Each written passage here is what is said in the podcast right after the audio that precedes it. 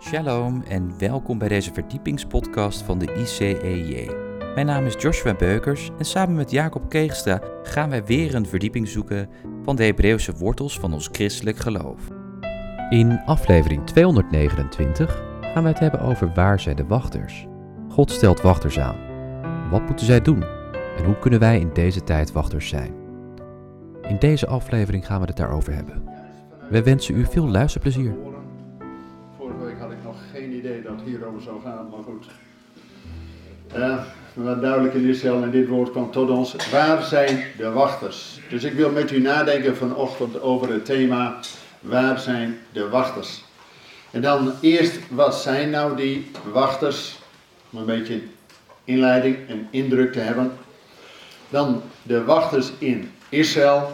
Vervolgens ook de wachters in de kerk, in de gemeente. En dan uiteraard de toepassing, wij als wachters. Wat wil God en hoe verwachten wij? En wat verwacht God van ons als wachters?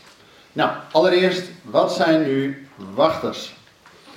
Een plaatje van die uh, wachttoren, die uh, in Israël in de tijd veel gebruikt werd.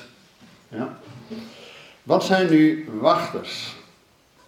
Die hebben een dubbele taak. Dat zijn mensen die zowel waken, dus ook met name s'nachts hun werk doen, maar niet alleen waken tegen vijandige indringers en vervolgens stil blijven of snel het op een lopen zetten. Nee, het is juist ook de mensen waarschuwen. En daar komt die extra toevoeging in. Het is niet alleen wachten, zeg maar, een soort afwachten, kijken wat er komt. Nee, het is ook verwachten. Nou, daar gaan we het over hebben. Dus zowel het waken als het waarschuwen. Dat staat centraal bij die wachters. Nou, dan heb je verschillende soorten wachters. Ieder mens, en dat leer je als ouders ook direct al aan je kinderen, van dat je soms hiervoor moet uitkijken en daarvoor moet oppassen. Sommige Nederlanders, hun enigste vocabulaire is, kijk uit, pas op, mag niet. Maar het gaat er natuurlijk om dat kinderen volwassen worden en zelf leren uit te kijken. Dus ieder mens is ook persoonlijk verantwoordelijk. Persoonlijke wachter. Maar de Bijbel spreekt ook met name over die gemeenschapswachters. Juist in een kibbutz, overal op de muren van Jeruzalem, dat je voor de gemeenschap, voor de, de stad, het volk, noem maar op. En daarnaast heb je in de Bijbel ook dat je niet alleen het fysieke, want mensen, we strijden niet tegen vlees en bloed, maar tegen. Dus het is ook die geestelijke waakzaamheid. En daar heb je die profetische wachters voor. Nou, dus je hebt verschillende soorten wachters. En nu natuurlijk ook direct de vraag, waar heb je nou die wachters precies voor nodig? Nou, wat ik al zei, ten eerste voor de fysieke vijanden. En het gevaar van buitenaf. Maar er is een veel groter gevaar van binnenuit. En ook die geestelijke gevaren. Dat noemt de Bijbel misleidingen. En toen ik dit aan het overdenken was, dacht ik, ja, dit ligt ook precies helemaal in de lijn met de vorige thema-ochtenden, dat we het gehad hebben, komt de eindtijd plotseling over God van oorlog en overwinning. En de vorige keer hebben we het gehad over waarheid en misleiding. Niet waarheid en leugen. Leugen is een resultante van een geestelijke misleiding die op ons afkomt. En tegenwoordig, maar al dat nepnieuws en noem maar op, er is een hoop misleiding. En vooral ook dat er ook een geest van dwaling in misleiding wordt ge, ja, voorzegd in de Bijbel. Nou, de Bijbel roept ons ook heel duidelijk op om waakzaam te zijn tegen valse Christussen. Maar dat lijkt allemaal negatief, hè? dat je waakt en oppast en oeh, oeh, oeh, gevaar van buiten, fysiek, geestelijk. Maar die profetische wachters hebben ook een positieve taak. En dat is namelijk het verwachten, het uitzien naar de beloften die God heeft gegeven. En dat wij ook wachten zijn en die wijzen, Heer, we houden u aan uw woord. U hebt het zelf gezegd. Ja, dus gaan we ook straks in gebed op basis van Gods woord. Want wij verwachten van alles, maar God geeft duidelijk in zijn woord aan wat wij kunnen verwachten.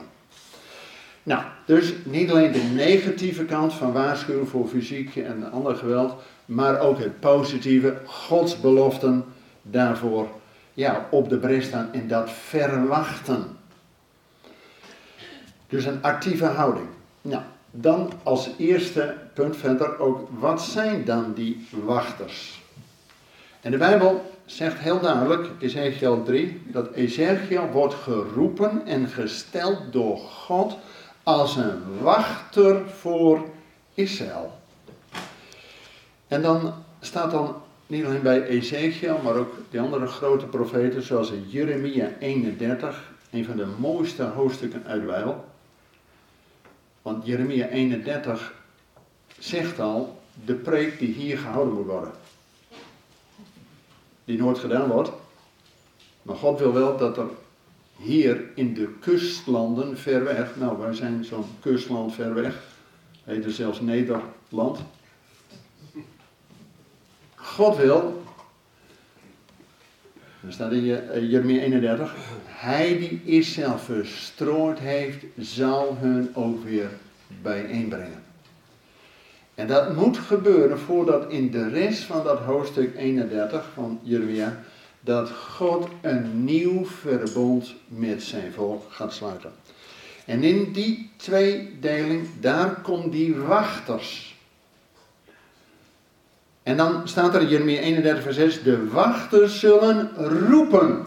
Dus Waarschuwen. Sta op, laten we opgaan naar Sion, naar de Heer onze God.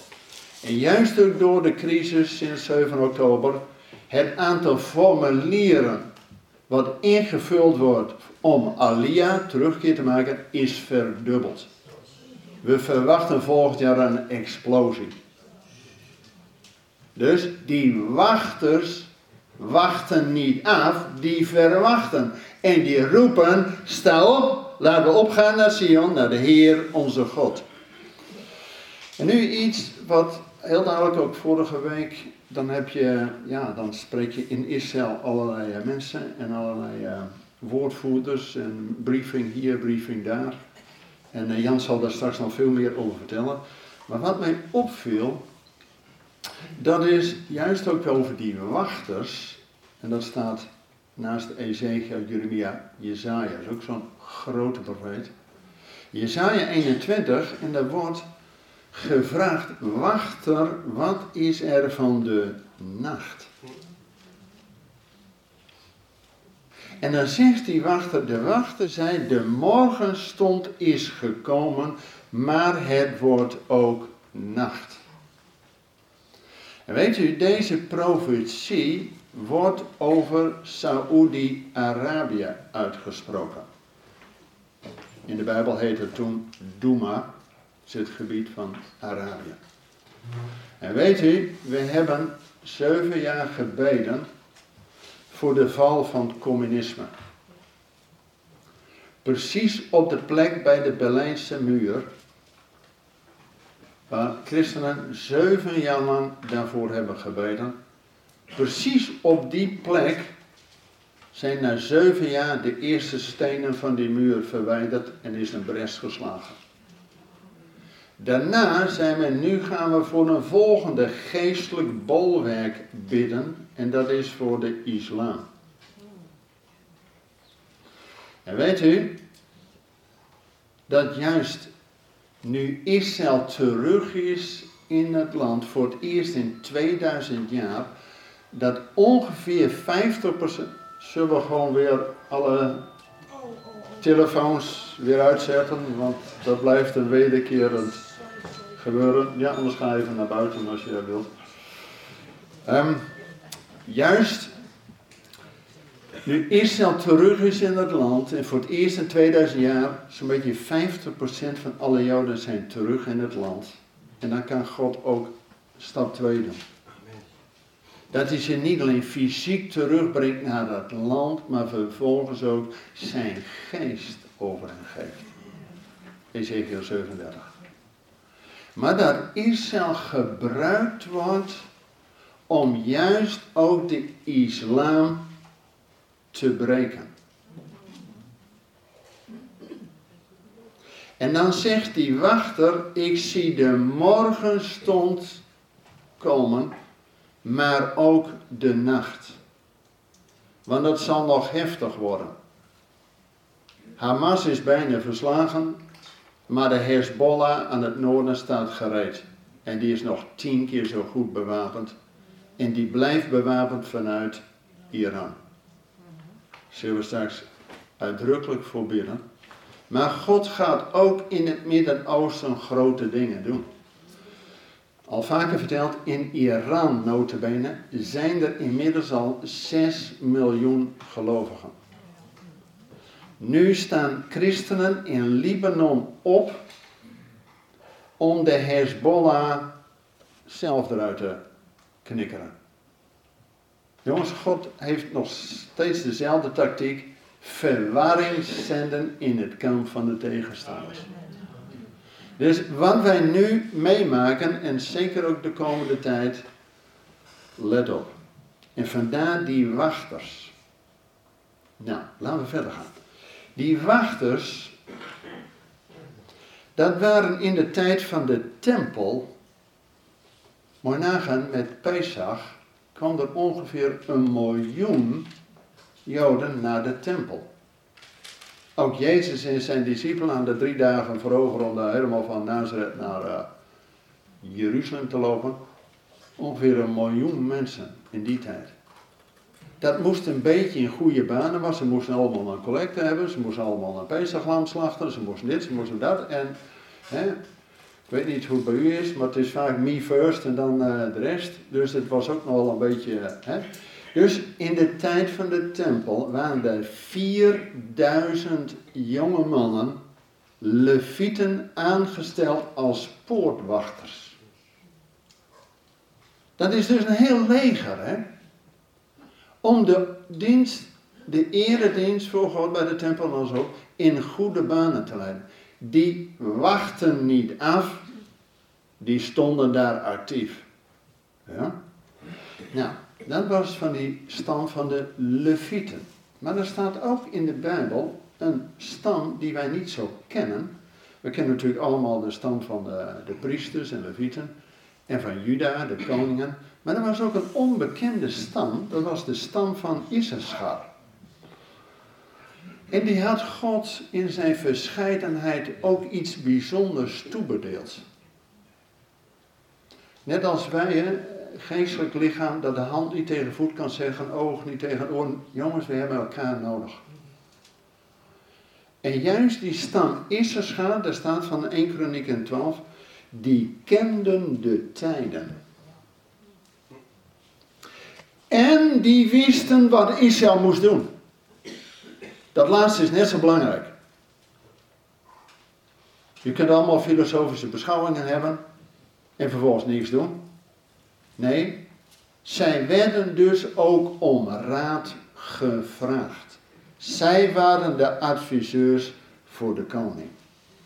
Nou, en over die wachters, dat lezen we niet alleen in het Oude Testament, maar ook in het Nieuwe Testament.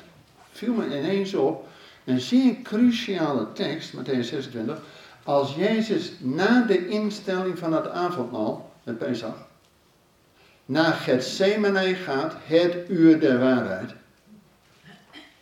Dat hij tegen zijn discipelen zegt, juist ook in die nacht dat hij werd verraden. Wat zei Jezus tegen zijn discipelen? Slaap maar lekker vullen. Nee, wat zei hij? Waakt en bid. En was dat nou een, een vreemd iets dat hij dat vroeg? Nee, het was zelfs een verplichting. Want dat was namelijk de nacht van de uittocht uit Egypte. Was een nacht van waken. En eigenlijk zegt Jezus tegen zijn discipelen: Komt gij nog niet één uur met mij waken? Dus die hebben aan alle kanten. Nou ja, u weet het. Maar ook, zullen we zien, je hebt ook de valse wachters. Wat we lezen in Ezekiel, die dan zeggen vrede, vrede, zonder dat er vrede is. En ook in het Nieuwe Testament staat dat vrede en veiligheid en dan komt plotseling vernietiging. Zoals barensweeën over een zwangere vrouw en ze zullen niet ontkomen. Nou, oké, genoeg inleiding. Er zijn twee soorten wachters in de Bijbel. Met name de eerste is, en dat hoofdstuk zullen we vaak lezen vanochtend, Jezaja 62. Dus slaan die rustig open, daar komen we een aantal keren op terug. Jezaja 62. En in Jezaja 62, daar staat vers 6 en 7, dat God stelt wachters aan. Ja? Net zoals wij de chauffeurs hebben geblazen, dat heeft een doordringend geluid, zodat wij wakker worden. Opgeroepen worden tot gebed. Maar het heeft ook die hemelse component dat God aan zijn belofte gehouden wordt. Daarvoor was al dat Abraham in plaats van Isaac die ram slachtte. Als je ram slacht, heb je twee hoornen. Het lijkt zo simpel, maar doe maar. Dus God stelt wachters aan. In de tijd, en dat is iedere dag ook in Jeruzalem, dat er veel Nederlanders en ook Duitsers de muren van Jeruzalem opgaan. Om te proclameren. Gewoon, Heer, het staat in uw woord, we houden nu aan uw woord. En een aantal daarvan die doet het gewoon als toerist. Prima.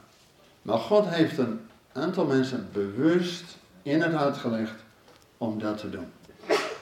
Dan stelt God mensen aan. En dan zie je ook, als God mensen voor een taak roept, dan worden die gewoon in een taak gezalfd en gezegd. Maar er is ook een andere kant. En die lezen in Habakkuk hoofdstuk 2. Habakkuk hoofdstuk 2 en dan, dat is een profeet, Habakkuk. En die ziet de dreiging van in die tijd dat Babel opkomt, Nebukadnezar gaat Jeruzalem omsingelen. En dan denkt hij, ja wat nu? En wat gaat Habakkuk dan doen? Dan zegt hij, ik ga staan op mijn wachttoren. En ik ga uitzien wat God gaat doen. En God zegt. Dus hij neemt zijn positie in. Weet u nog dat we een vorige keer over die strijd van Amalek, dat Josia moest vechten tegen Amalek. Maar Mozes nam zijn positie in. Op de berg met de staf gods Zolang de staf Gods omhoog ging, kon Josie overwinnen. Het geestelijke heeft impact op het fysieke. En toen die armen moe werden, waren Aaron en Hur die ondersteunen. En dat driemanschap, Mozes was de profeet, Aaron de priester en Hur de stamvader van Juda de koning. Dus Welk driemanschap neemt zijn positie in? Profeet, priester en koning. Wauw. En dat gaan wij straks doen. Wij gaan ook onze positie in gebed, want het is juist ook een geestelijke strijd. Alleen daar moet je wakker voor zijn. Nou, eerst een enkel woord erover. Oké. Ja, over die wachters hebben we nu genoeg gehad. Nu, punt 2. Wachters in Israël. Nou, laten we gewoon direct maar concreet zijn. Israël was totaal verrast op 7 oktober. En we hebben de briefings gehoord. Ze waren gewaarschuwd. En langs die grens allerlei, met name dames die al die computerschermen niet zo in de gaten houden, intelligence. En die hadden twee maanden van tevoren hun leidinggevende gewaarschuwd. Hadden een maand van tevoren hun leidinggevende gewaarschuwd. Er gebeurt wat. Een week van tevoren hadden ze gewaarschuwd. Een dag van tevoren hadden ze dubbel gewaarschuwd. En de militaire meerdere die zeiden, nee, Hamas is niet tot dat soort in staat. En uh, als je nou nog een keer zeurt, dan uh, krijg jij militaire terugrecht aan je broek. Jongens, ze waren gewaarschuwd. En toch. En precies 50 jaar na Yom Kippur, bijna op de dag af, toen waren ze ook totaal verrast. Yom Kippur. Alleen die oorlog duurde niet zo lang. Deze oorlog duurt al langer dan de onafhankelijkheidsoorlog 1948. Jongens, dit is zo'n trauma voor Israël. En geheid dat na dit wordt zowel de politieke leiding ter verantwoording geroepen, de militaire leiding en noem maar op. Hier vallen straks, uh, ja. Maar voorlopig is het all hands aan dek, want, uh, oké. Wat bijzonder is, dat uh, wij gingen met de groep 8 oktober weer terug. Vliegtuigen zaten toen vol met toeristen om weg te komen.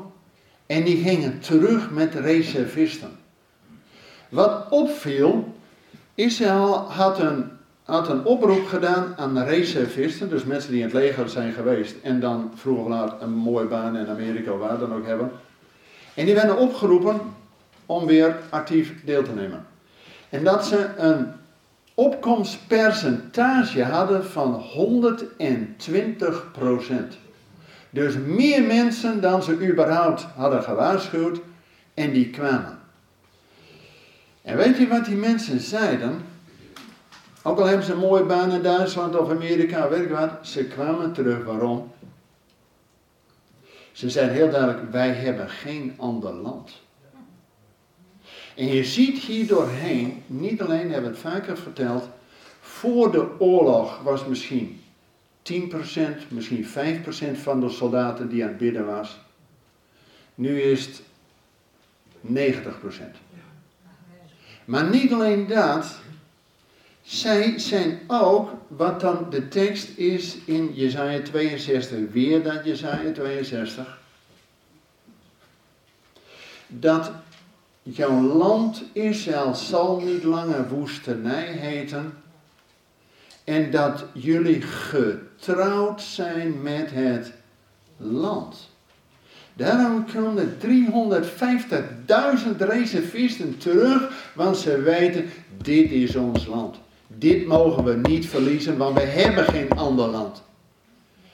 En er werd van alles verteld van tevoren over de Z-generatie die uh, alleen maar achter de tablet zit en uh, niks kan, weet ik wat.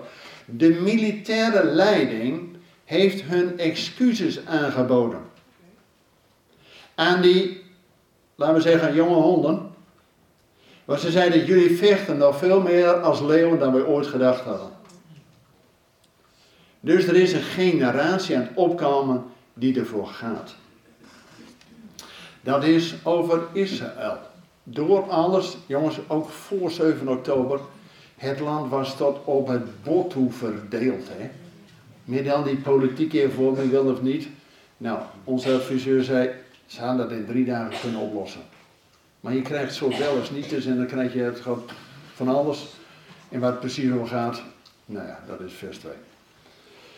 Maar door één slag van de tegenstander, ze zijn weer verenigd als nooit tevoren. Maar er is een trauma in het land. Overal waar je bent, er hangt bijna een soort donkere deken. Wij waren als een van de weinige bussen met 70 mensen die door het land toerden. We werden aan alle kanten aangesproken. Oh, fijn dat jullie er zijn. We hadden alleen al ter bemoediging daardoor. Jan zal er straks meer over vertellen. Maar nu ook, punt 3, wachters in de kerk. En wat ons dan weer opvalt, dat het zo overdovend stil is in de kerk. Het lijkt weer precies die tekst 1 Thessalonicense 5 heb ik al aangehaald. Vrede, vrede. Ach, dat is ver weg, jongen. En dan zegt de Bijbel, plotseling komt over u het verderf. Laat ik twee voorbeelden noemen. Ook in 1940, 10 mei 1940, Nederland was totaal verrast. Maar ze waren gewaarschuwd. Generaal Winkelman had in 1938 gezien wat Duitsland met de kristalnacht deed. Had in 1939 de inval in Polen ook bekeken als militair. Hij zei tegen de regering: Wij moeten wat uh, modernere wapens hebben, want dit gaat niet goed. Hij werd ontslagen uit zijn functie. Want de politici en onze koningin voorop zeiden: nee, we blijven neutraal, net als in de Eerste Wereldoorlog. Nou, de koningin uh, was snel weg en de soldaten mochten terugvechten met pistooltjes uit de Eerste Wereldoorlog. Beschamend. Nederland was totaal verrast. Maar nou één stap verder. Kent u allemaal. 2020, ook de kerk was totaal verrast met COVID. Waar waren de profeten in die tijd? Eén onzichtbaar virusje, jongens, heeft alle kerken wereldwijd gesloten. Waar waren de profeten? Waar waren de wachters? Ik heb niets gehoord. Dus we waren met z'n allen onvoorbereid. Nou, denk niet dat het alleen daar is, hè. Want inmiddels zijn ook de Hamas-cellen in Nederland, Duitsland en Denemarken opgerold. Weet u wat in de grondwet van de Hamas staat? Want ja, we reden toch met die bussen door Israël en dan is er weer iemand die uh, vertelt iets onderweg.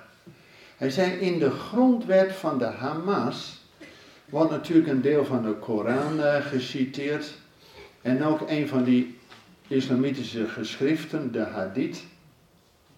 En weet u wat erin stond?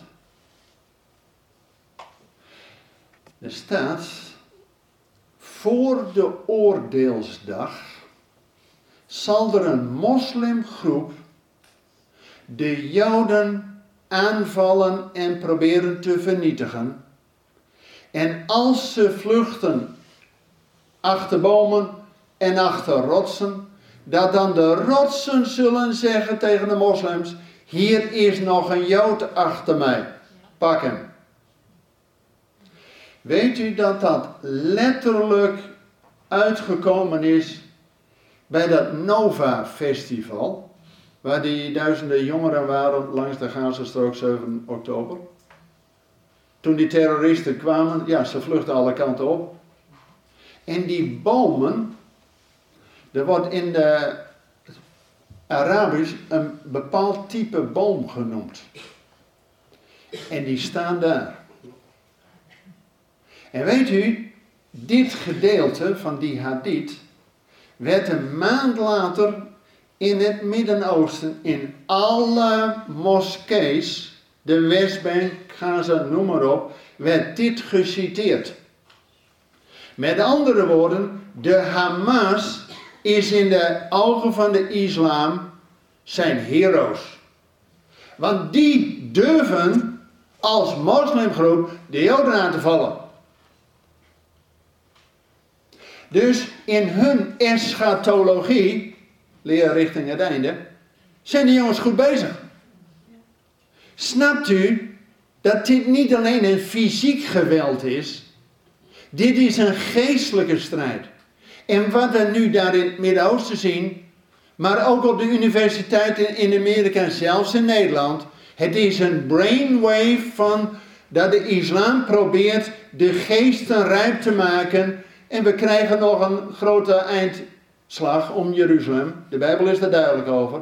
Jongens, de islam wil maar één ding. En ze hebben de wereld ingedeeld in tweeën.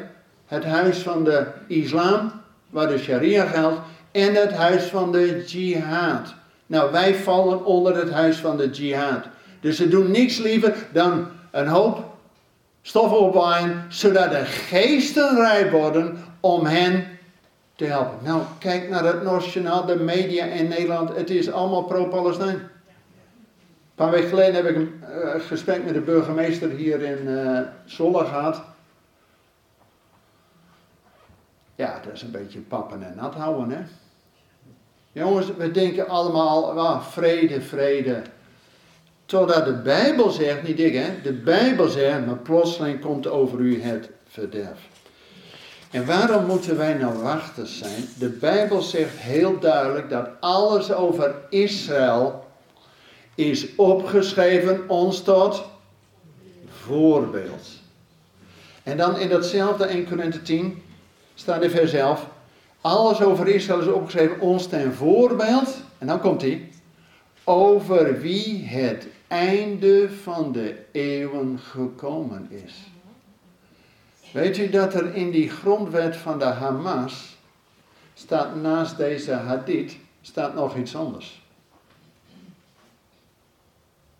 En daar staat eerst de zaterdag en dan de zondag. Kijk, als je dat zo leest, dan denk je, nou, ja, dat snap ik. Je hebt hier zondag, maandag, dinsdag en dan, uh, nou ja, dan heb je zaterdag, ja, is toch vrij logisch. Nee, dat wordt daar niet mee bedoeld. Zij zijn heel blij dat Israël nu terugkeert in het land, want dan kunnen ze op één plek de mensen van de zaterdag kopje kleiner maken. En dan de mensen van de zondag.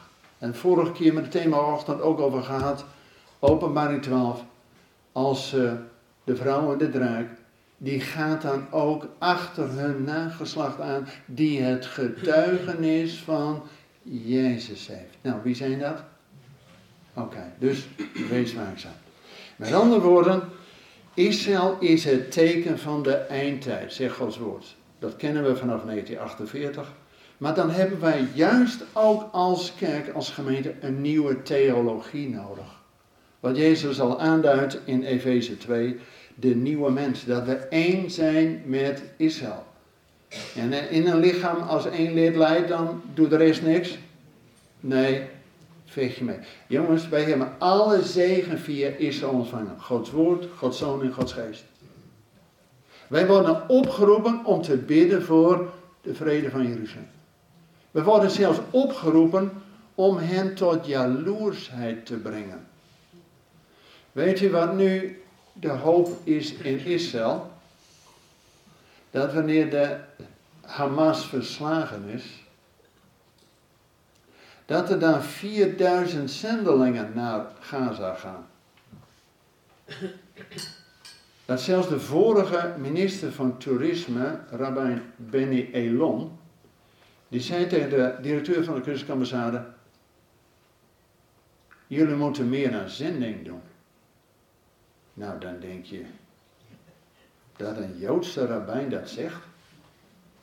Want ja, zendelingen staan nou niet zo goed bekend in Israël. Dus de directeur vroeg aan hem, waarom dan? Hij zei heel simpel. Als die mensen in de Arabische gebieden geloven wat jullie geloven, dan zegenen ze Israël. Amen. Hetzelfde is gebeurd in 1945. Toen Japan capituleerde. En daar ook een Marshallhulp was. Toen wilden ze graag zendelingen naar Japan. Zodat Japan een christelijke natie kon worden. Het is niet gebeurd. We krijgen straks de kans bij Gaza om daar wel juist Arabisch sprekende ex-moslim zendelingen. Maar die hebben natuurlijk veel krachtiger getuigenis dan wij. Dus Daar bidden we voor. En weet u, wat gaan nou die wachters doen? Laten we nou eindelijk eens een keer lezen, want dan hebben we alleen maar over het woord, maar niet vanuit het woord. Jezaja 62. En met de rondleiding, uh, precies twee weken geleden, uh, met Jan, door Jeruzalem. U weet, u, kent vast de stad Jeruzalem met die muren. Hè? Nou, die heeft uh, een moslim gebouwd. Suleiman 500. Maar dat zijn niet de oorspronkelijke muren van Jeruzalem. Nu nog maar een aantal jaren geleden is de stad van David, het oude Jebus, ontdekt. En daar zijn de oorspronkelijke muren van Jeruzalem waar Jezaja op stond en te profiteren. Dus neem dat en God doet dingen op zijn tijd aan het licht komen. Nou, Jezaja 62. Op uw muren Jeruzalem heb ik wachters aangesteld. Nooit zullen ze zwijgen, heel de dag en heel de nacht niet. U die het volk aan de Heer doet denken, gun u geen rust. Ja, gun hem, dat is God, geen rust. Is wat? Dat is dus niet een klein, klein schietgebedje hier zeggen dit. Nee. Gun God geen rust. We bidden al 127 dagen als christelijke ambassade non-stop. En iedere dag met meer dan duizend, soms uh, eh, 1500 mensen. Dat we God geen rust gunnen tot, totdat hij Jeruzalem gegrondvest heeft en gesteld heeft tot een lof op aarde. Waarom nou Jeruzalem? Weet je, wij als christenen hebben vaak niet eens door hoe belangrijk dat, dat is. De tegenstander wel, hè. Want de Hamas heeft direct op 7 oktober deze oorlog verklaard als... Ah, het gaat alleen over deze vier kibbutzen langs de grens. Nee, het ging hun niet om het land. Het ging hun zelfs niet om Gaza op te bouwen. Al die miljarden hebben ze gekregen om te ondermijnen. Ja, dat is toch nou toch voor iedereen duidelijk. Ze gaan niet het land opbouwen, nee, ze gaan de boel ondermijnen. Ze hebben op 7 oktober deze oorlog genoemd El Aqsa-storm. Zij weten dat ze een doel hebben. Weten wij dat ook. En daarom heeft God wachters aangesteld. En wat gaan die dus? Drie dingen doen. Niet zwijgen omwille van Jeruzalem. Staat aan het begin van hoofdstuk 62. Dat we God geen rust gunnen, dus aanhoudend blijven bidden. Maar ook de rest van de hoofdstuk staat dat we een banier opheffen voor de volkeren. Dat is dat profetische geluid laten horen voor ja, waar wij in zitten. En dan, hoe weten we dat nou? God verwacht ook iets van ons als wachters. En wat voor soorten wachters kunnen wij zijn? De Bijbel zegt dat God niets doet tenzij hij het zijn knechten, de profeten, openbaart. Met andere woorden, God waarschuwt van tevoren. Daar heb je die profetische lijn voor nodig. Maar ook voorgangers. Die worden de kandelaren van de gemeente genoemd. En daar staat bij, zie toe op uzelf en op de kudde. Handelingen 20. Maar er wordt ook voor ons iets gevraagd. Als voorbeders. We hebben als ambassade direct 7 oktober zijn begonnen met dat wereldwijd gebed. Kan gewoon thuis gevolgd worden via Zoom. Dat we al 126, dagen bezig zijn. Juist ook om die geestelijke positie in te nemen. Te bidden voor Israël, Midden-Oosten. Dat ook God daar een doorbraak. Jongens, als de mensen in Gaza tot geloof komen. En de God van Abraham, Isaac en Jacob leren erkennen. En Israël tot jaloersheid brengen. Wat wij in 2000 jaar niet gedaan hebben. Mooi eens kijken wat dat voor effect op Israël heeft.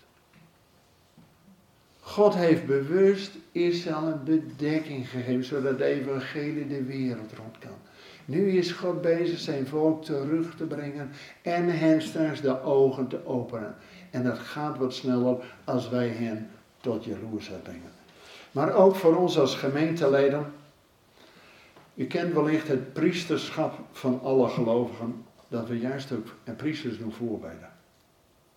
Nou, dus ook Jezus zegt, oproep, waakt en bid. En 1 Petrus 5, wees nuchter en waakzaam, want uw tegenpartij, de duivel, gaat rond als een brullende leeuw en biedt weerstand. Dus niet dat je denkt, oh dat zien we, dan gaan we vluchten we weg. Nee, en biedt weerstand. Ook als we die geestelijke wapenrusting, is allemaal ter verdediging. We hebben maar één aanvalswapen. Dank u wel voor het luisteren naar deze verdiepingspodcast van de ICEJ. Waardeert u onze podcast? Steun ons dan. Dat kunt u doen door een donatie of door deze podcast te delen met uw vrienden of familie. Ga hiervoor naar icej.nl. Dank u wel voor het luisteren en tot volgende week.